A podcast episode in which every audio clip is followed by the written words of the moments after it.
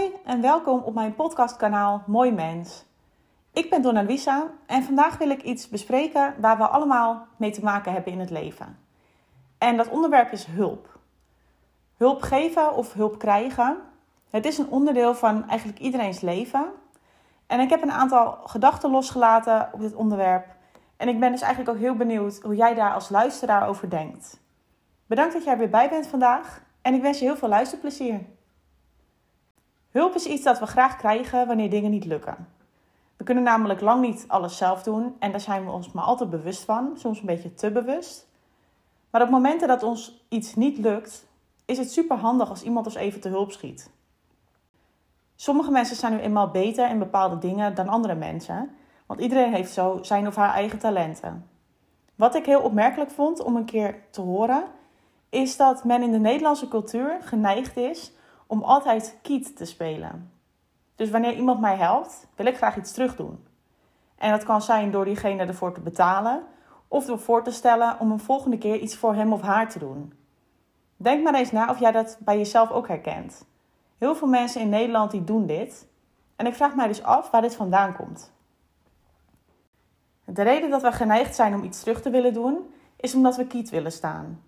We willen een ander niet verschuldigd zijn en willen al helemaal niet dat diegene het later tegen ons kan gebruiken. Daarom komen we vaak met een tegenprestatie, een tegenbod. Iets om weer gelijk spel te spelen. Maar dat is toch eigenlijk heel gek? Waarom kunnen we niet gewoon genieten van wat iemand voor ons doet? De hulp aanvaarden, de ander waarderen, gewoon oké en dankbaar zijn. Zelf merk ik dat ik mij ook schuldig maak aan die tegenprestaties en die beloftes. Maar eigenlijk zou ik daar wat meer op moeten letten. Een ander vindt het vaak namelijk helemaal niet nodig dat je iets terugdoet, of dat je geld geeft, of ook maar iets van een tegenprestatie levert. En in sommige culturen wordt dat zelfs helemaal niet gewaardeerd en is het zelfs een belediging als je dit doet. We kunnen in Nederland wel iets meer proberen om die touwtjes los te laten wat dat betreft. Tenminste, dat vind ik. En ik denk dat jij het ook leuker vindt om een ander gewoon dankbaar te zien naar jouw hulp, dan dat diegene uit schuldgevoel direct met een tegenbod aankomt. Want dat helpen van anderen, dat is nogal een dingetje. Over het algemeen staan we graag voor anderen klaar. We hebben het beste voor met de mensen om ons heen en we zijn bereid om veel voor anderen te doen. Of juist te laten. We hebben altijd goed advies klaarstaan en we zijn vaak niet bang om dat advies met de ander te delen. Dit kan namelijk alleen maar goed uitpakken, denken we dan. Maar wat als iemand niet zit te wachten op jouw hulp? Wat als jouw hulp overbodig is en helemaal niet zo gewaardeerd wordt? Sommige mensen proberen echt kosten wat kost een ander te helpen. Maar weet je wat het probleem daarmee is? Iemand kan alleen geholpen worden wanneer hij of zij daarvoor open staat.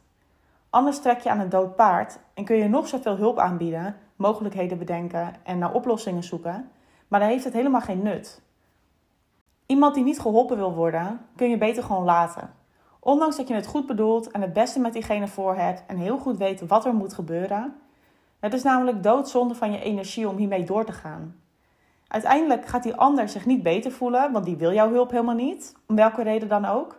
En jij eindigt compleet uitgeput, omdat de energie die jij erin steekt meteen door het afvoerputje verdwijnt.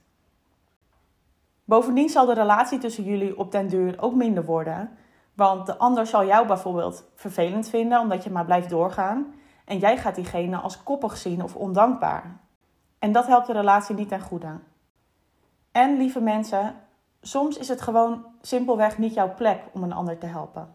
Probeer je daar ook bewust van te blijven. Iedereen is verantwoordelijk voor wat hij of zij doet en zegt. En wanneer je continu iemand probeert te helpen en zijn of haar spreekwoordelijke rotzooi opruimt, dan zal diegene daar nooit van leren. Daarom is de beste manier om te helpen in die gevallen juist door niet te helpen. Door iemand zelf zijn of haar rotzooi te laten opruimen en diegene zelf te laten uitzoeken hoe het dan anders moet. Door iemand gewoon te laten. Want net zoals jij verantwoordelijk bent voor jouw leven, is een ander dat ook voor zijn of haar leven. En net zoals jij dingen leert door te vallen en weer op te staan, zal een ander dat ook doen. Het is niet jouw taak om anderen te beschermen tegen het leven. Je bent geen beschermengel. Jouw taak is om jouw leven zo fijn mogelijk te maken voor jezelf.